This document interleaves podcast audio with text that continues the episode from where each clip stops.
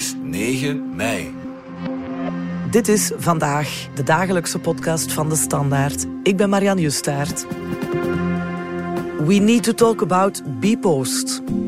Het begon met een krantenconcessie, maar er blijven lijken uit de kast vallen en stilaan wordt het een hallucinant verhaal van intriges en gesjoemel. Hoe kon het zo fout lopen met een ooit performant overheidsbedrijf? En wordt het geen tijd dat de politiek alle banden met Bpost doorknipt?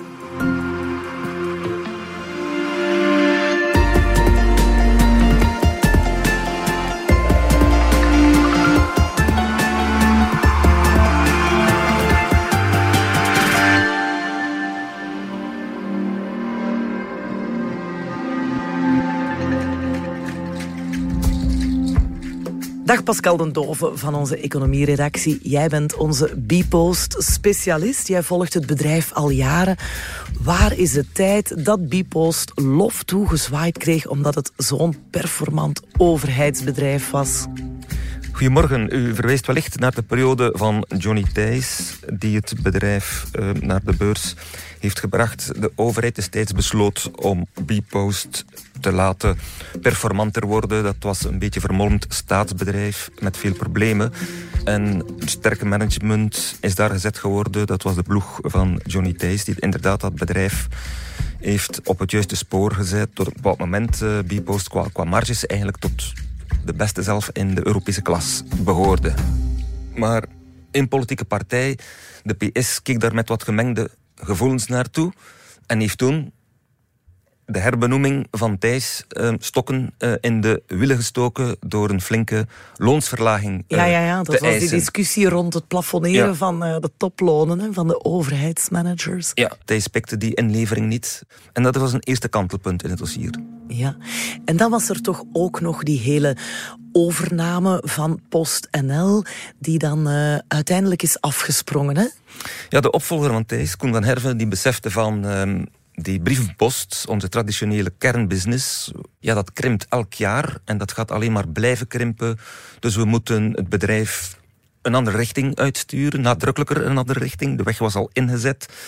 Maar de idee was, als we PostNL overnemen, dan kunnen we in die pakjeseconomie de marktleider in de Benelux worden. Dat was op zich een goed plan, maar opnieuw is dat mislukt door een lek vanuit de PS die mm -hmm. dat wereldkundig maakte, waardoor de beurskoers van PostNL flink steeg en de overnamekans verkeken was. Ja, op die PS komen we zeker terug. Maar uh, ik begrijp wel dat na die kantelpunten... dat het vanaf dan toch echt wel bergaf ging met de Bipost, zeker op de beurs. Hè? Wel, wat je had, die overname van PostNL gaat niet door. En het management daar zoekt een alternatief. Slaat toe in Amerika, koopt daar Radial... Dat was geen evidente overname. Je kan zeker zeggen dat ze daar eigenlijk te veel hadden voor betaald. Mm. Bpost heeft daar flink mee geworsteld. Wat zat er goed aan die deal? Dat het Bpost opnieuw een alternatief gaf voor die krimpende brievenpost en het bedrijf richting e-commerce diensten zette.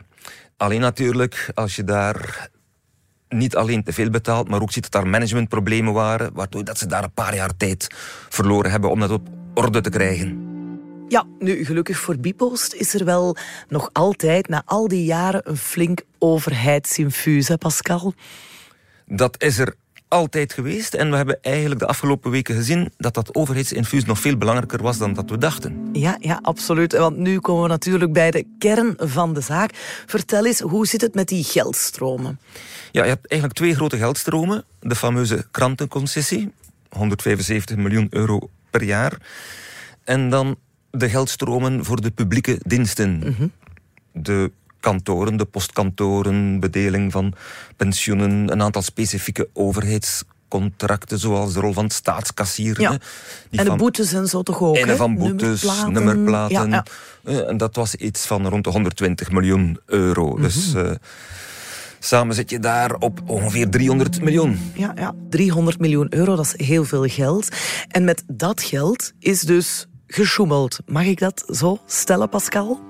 Ja, inderdaad, op twee verschillende manieren. Hè. Wat betreft die krantenconcessie uh, heeft men er eigenlijk alles aan gedaan om die bij Bipost te laten landen. Dat ja. begon met het vertrekpunt van het lastenboek zo op te stellen, dat de criteria zo streng te maken, dat ehm, de enige concurrent hier was een, klein, een relatief klein bedrijfje, PPP, die al kranten bedeelde in enkele steden, dat die nooit over die lat heen ging kunnen geraken. Hans, de suggestie is dat er een collusie, een verboden afspraak was tussen de Vlaamse uitgevers DPG Media, Mediahuis en de kleine verdeler PPP. Enerzijds en Bipost anderzijds rond die krantenconcessie, mhm. met name van kijk, PPP, trek u terug uit die krantenconcessie, uit die strijd om die nieuwe krantenconcessie voor vijf jaar. En dan mag je in Gent wat meer kranten gaan bedelen. Uh, met andere woorden, voilà, trek u terug, dan gaat het naar Bipost en in ruil krijg je Gent. Zodoende dat dat groot contract, een nationaal contract, 600.000 kranten, mm bussen elke dag, in het weekend meer dan 700.000, dat dat bij Bipost ging komen, want dat was heel belangrijk voor de tewerkstelling. En als Bipost dat contract ging verliezen... Ja, dat is wel een flinke aderlating natuurlijk. Ja. Dus laat zeggen, dat ene contract, de krantenconcessie, was die tewerkstelling bij Bipost mhm. een punt van zorg. Dat andere contract, vooral die publieke diensten, ja, daar zijn de problemen eigenlijk dubbel. Hè? Daar deed Bipost er eigenlijk alles aan om in zijn kostprijsboekhouding de hypothese zo te hanteren dat een maximum aan vaste kosten die Bipost gaat en alle loonkosten die Bipost gaat, deed men er alles aan om die zoveel mogelijk toe te wijzen aan de overheid. Aan, aan de publieke je zou verwachten, inderdaad. Sorry dat ik je onderbreek, maar je zou toch uh, instinctief verwachten van een overheidsbedrijf dat, uh, dat ze daar proberen om die overheid uh, zoveel mogelijk te sparen en zo goed mogelijk om te gaan met dat geld. Maar Bpost deed dus net het omgekeerde en rekende de overheid te veel aan voor al die nevenactiviteiten, zeg maar. Dat gebeurde heel subtiel. Hè? Men had een kostprijscalculatie opgesteld door McKinsey, de huisconsultant van Bpost, die ja, je moet weten, bij Bpost is er echt een McKinsey-klan sinds jaar en dag. Dat adviesbureau heeft daar heel veel invloed. Veel van de directieleden zijn allemaal ex-McKinsey. Zelfs de voorzitter van de raad van bestuur, Audrey Hanaar, is ook zo'n ex-McKinsey. En dus McKinsey um, werd dan gevraagd om een kostprijscalculatie op te maken die zou dienen als basis voor al die overheidscontracten. Dat modelletje is goedgekeurd door Europa. Maar waar zit de manipulatie in? Ja, dat is misschien een beetje technisch, maar de kostenmethodologie die daar gebruikte gaat uit van hypotheses. Ja, ja. En men heeft met die hypotheses, um, laat zeggen, een beetje gekneed. Hè? Remember dat op 24 april Bpost daar heeft gezegd... ja, we hebben te veel aangerekend aan de overheid. Ja, hè? klopt, inderdaad. hebben ze al toegegeven hè, dat daar uh, te veel betaald is geweest? Wat hebben ze precies gezegd op 24 april? Ze hebben gezegd voor het jaar 2023, dit jaar, schatten we dat we 25 miljoen tot 50 miljoen te veel hebben aangerekend aan de overheid. Oké.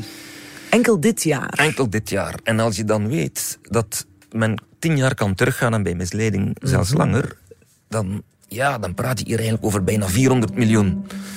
Dus daarom zit iedereen, ook dat beurswereldje, zo met grote ogen te kijken. Wat gaat daar allemaal nog dus gebeuren en hoeveel gaat dat kosten? Ja, dat wordt onderzoek, onderzocht. Onderzoek gaat moeten uitwijzen. En dat wordt een complex onderzoek. En dat onderzoek dat staat eigenlijk nog maar in de startblokken. Hè. En de overheid zelf dan?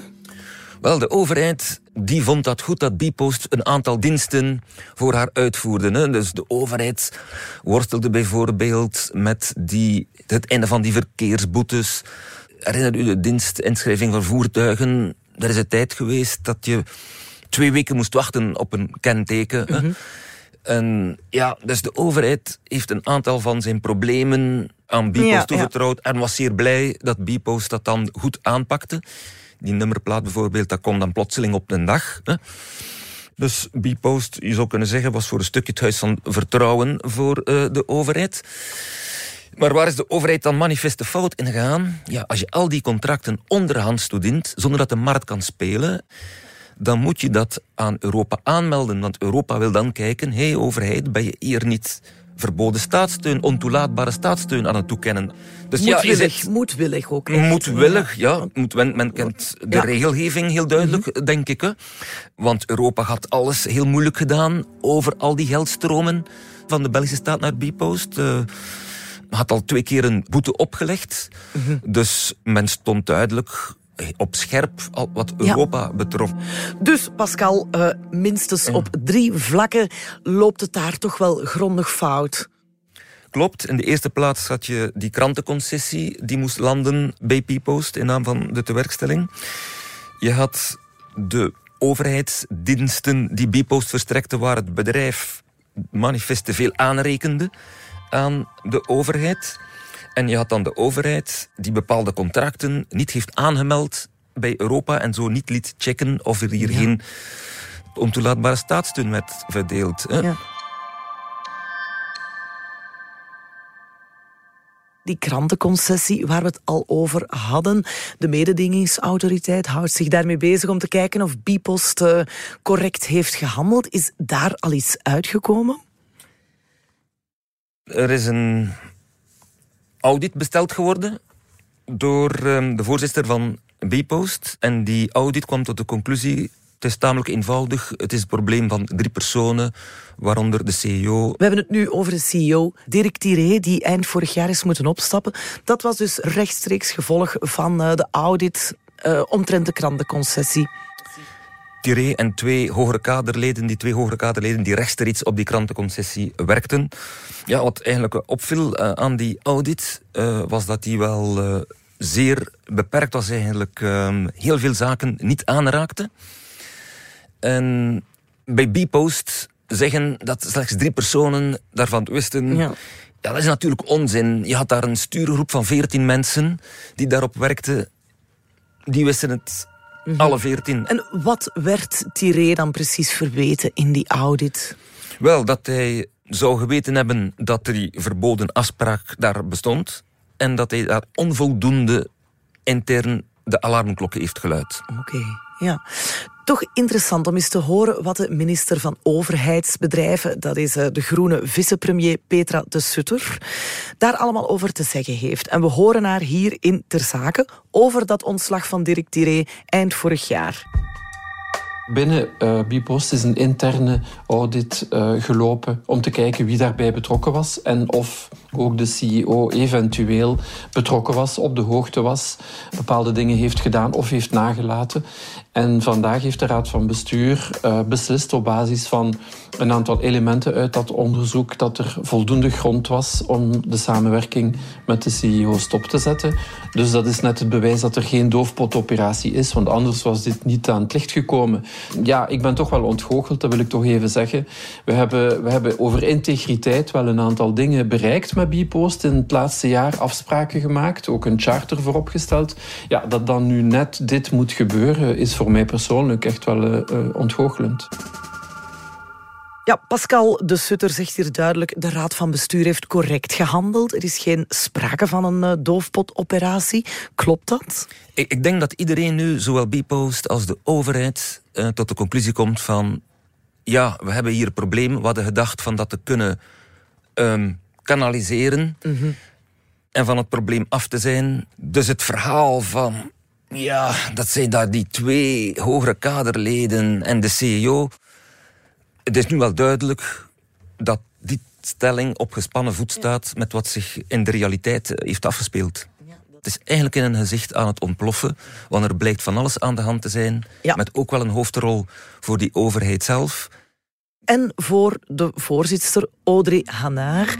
Laten we eens inzoomen op haar. Wie is zij? Zij maakt deel uit van die McKinsey-klan bij uh, Bpost. Zij werd door de PS voorgedragen in mei 21 benoemd als voorzitter en voorgesteld als een nieuwe frisse wind. Maar ja, meer en meer uh, zien we dat die uh, nieuwe wind verdacht veel op de oude wind uh, gelijkt. De jongste dagen hebben we meer en meer gezien dat Audrey Hanaar eigenlijk zelf een hoofdrol speelde in Hans die Saga. Dat ze zelf haar politieke contacten herhaaldelijk heeft gebruikt om die krantenconcessie in de juiste richting te laten vallen voor Bpost. Dat ze haar politieke contacten, haar toegang tot het kabinet van Pierre-Yves Dermagne van de PS, die die aanbesteding overzag, die de politieke verantwoordelijkheid had over dat contract. Daar zien we dat Audrey Hanaar daar herhaaldelijk haar politieke contacten met de PS en met het kabinet heeft gebruikt. Ja. Um, heeft zij een PS-etiket? Ja, heel duidelijk. Zij is door de PS naar voren voorgedragen. Naar. Oké, dus die band dus- is er wel degelijk. Ja, en ze maakt ook deel uit, zoals ze zegt, van die McKinsey-klan, waar bijvoorbeeld ook Amaury Capras, die de rechterhand is van Paul Magnet. Ja, de voorzitter van de PS. Inderdaad. Okay. De verwevenheid, ik zie het in mijn hoofd en uh, het wordt al een kluwe. Ja, Hanaar overlegde herhaaldelijk met die PS-top. Mm wat er moest gebeuren. Je zou eigenlijk kunnen zeggen dat je de officiële raad van bestuur had uh, bij uh, Bpost en dan een soort schaduwraad. Dus in kwestie van governance zijn er heel veel vragen te stellen van hoe liep dat daar eigenlijk? Hè? Ga naar zelf die beweert van ja, dat ging altijd over de strategie. Als ik met politiek sprak over Bpost en ik heb met alle vicepremiers zo'n rondje gedaan ook dit staat weer op zeer gespannen voet met de waarheid. Hè. Hanaar heeft voor de PS-top duidelijk exclusief een meeting uh, belegd in de boardroom van Bpost om grondig over de situatie bij Bpost te praten, midden op het moment dat die krantenconcessie liep en dat het kernkabinet moest samenkomen van um, hoe gaan we daarmee verder. Hè? was helemaal niet zo onschuldig. Mhm. Niet alleen Hanaar is daar herhaaldelijk tussen gekomen, maar ook de persoon intern bij Bpost, en dat is wel belangrijk, de persoon die moest toezien dat alle spelregels rond die krantenconcessie goed verliepen, die heeft in nauw overleg met Ganaar, dat zijn eigenlijk de twee personen die herhaaldelijk regels hebben geschonden. En die dame die moest toezien dat die spelregels correct werden gevolgd, deed dat in nauw overleg met de huisadvocaat van Bpost, die de afgelopen tien jaar op die krantenconcessie werkte. Ja, dat schreeuwt om nader onderzoek. Hè. De rol van de PS, uh, eh, daar zijn we nu toch allemaal heel erg benieuwd naar, maar ook die van Groen. Want met Petra de Sutter leveren zij in de huidige regering de minister van Overheidsbedrijven. En steeds meer kijkt men nu ook naar de politiek. We gaan er eerst even uit voor reclame en dan wordt het nog interessanter. Ik ben Elke van Mello, radiostem en actrice. Hoewel ik in mijn job altijd mijn hart volg, maak ik zakelijk liever rationele keuzes. Maar met een Mercedes-Benz plug-in hybride doe ik beide. Een elektrisch rijbereik van 100 kilometer. Ook 100% aftrekbaar en vooral heel veel luxe en comfort. Laat onze Heden Automotive specialisten ook u informeren waarom u best nog voor 1 juli uw Mercedes-Benz plug-in hybride bestelt. Meer info op hedenautomotive.be.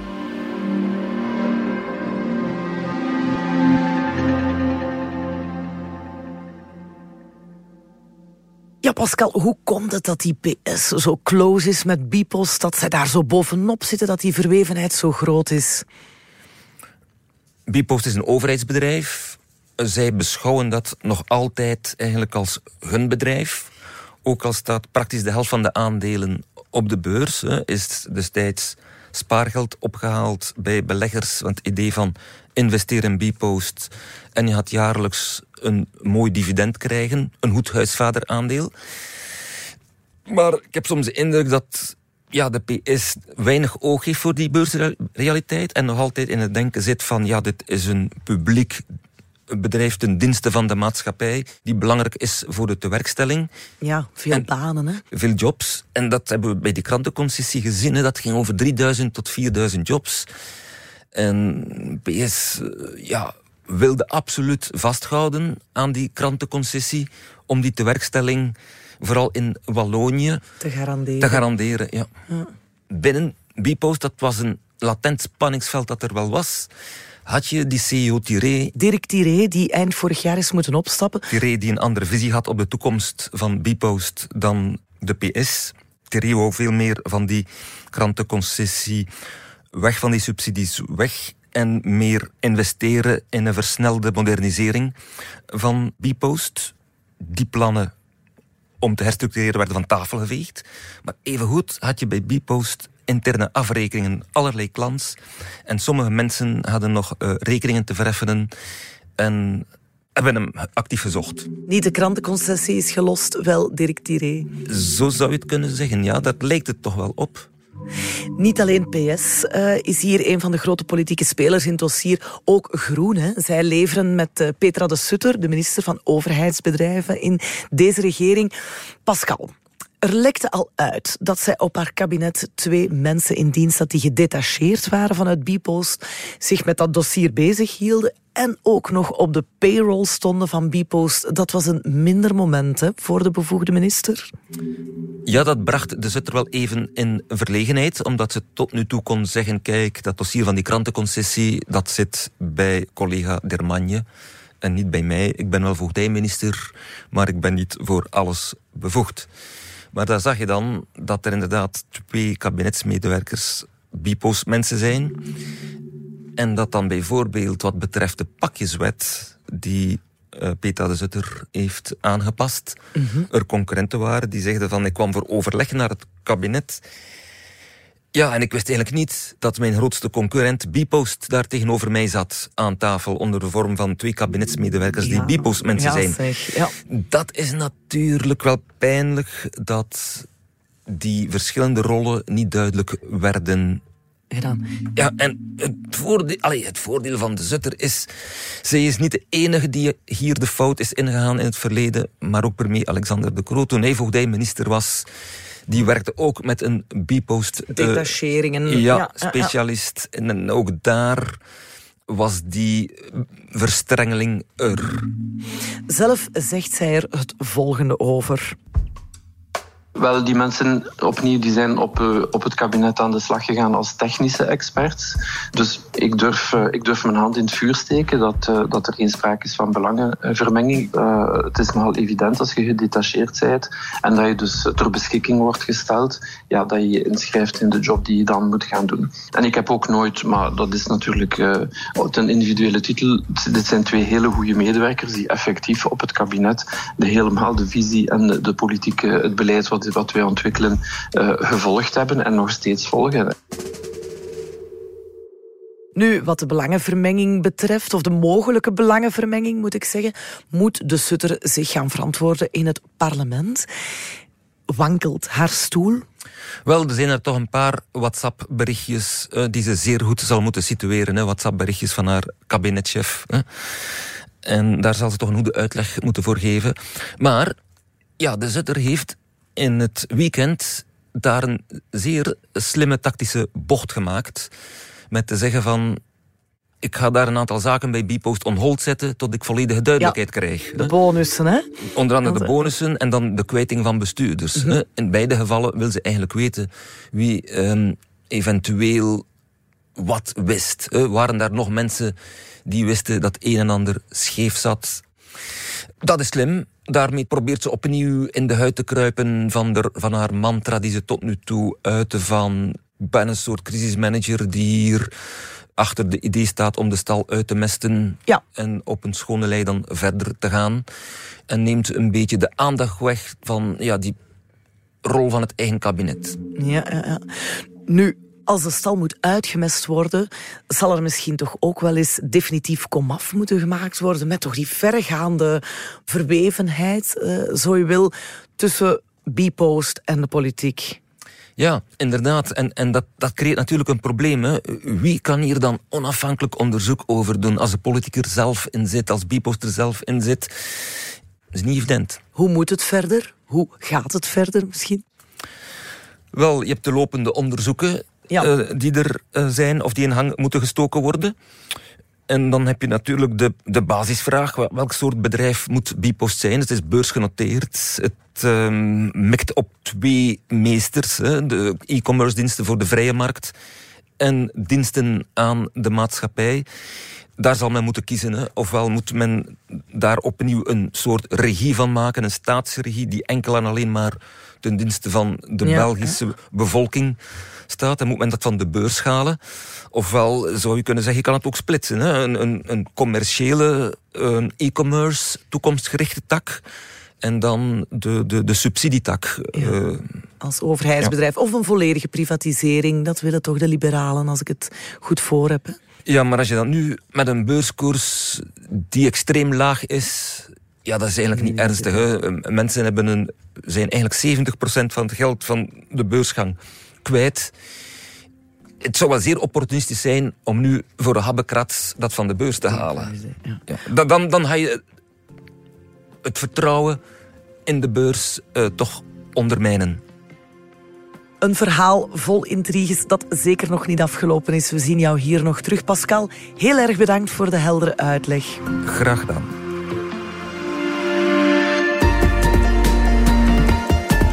Dit was vandaag de dagelijkse podcast van de Standaard. Bedankt voor het luisteren. Alle credits van de podcast die je net hoorde vind je op standaard.be/slash podcast.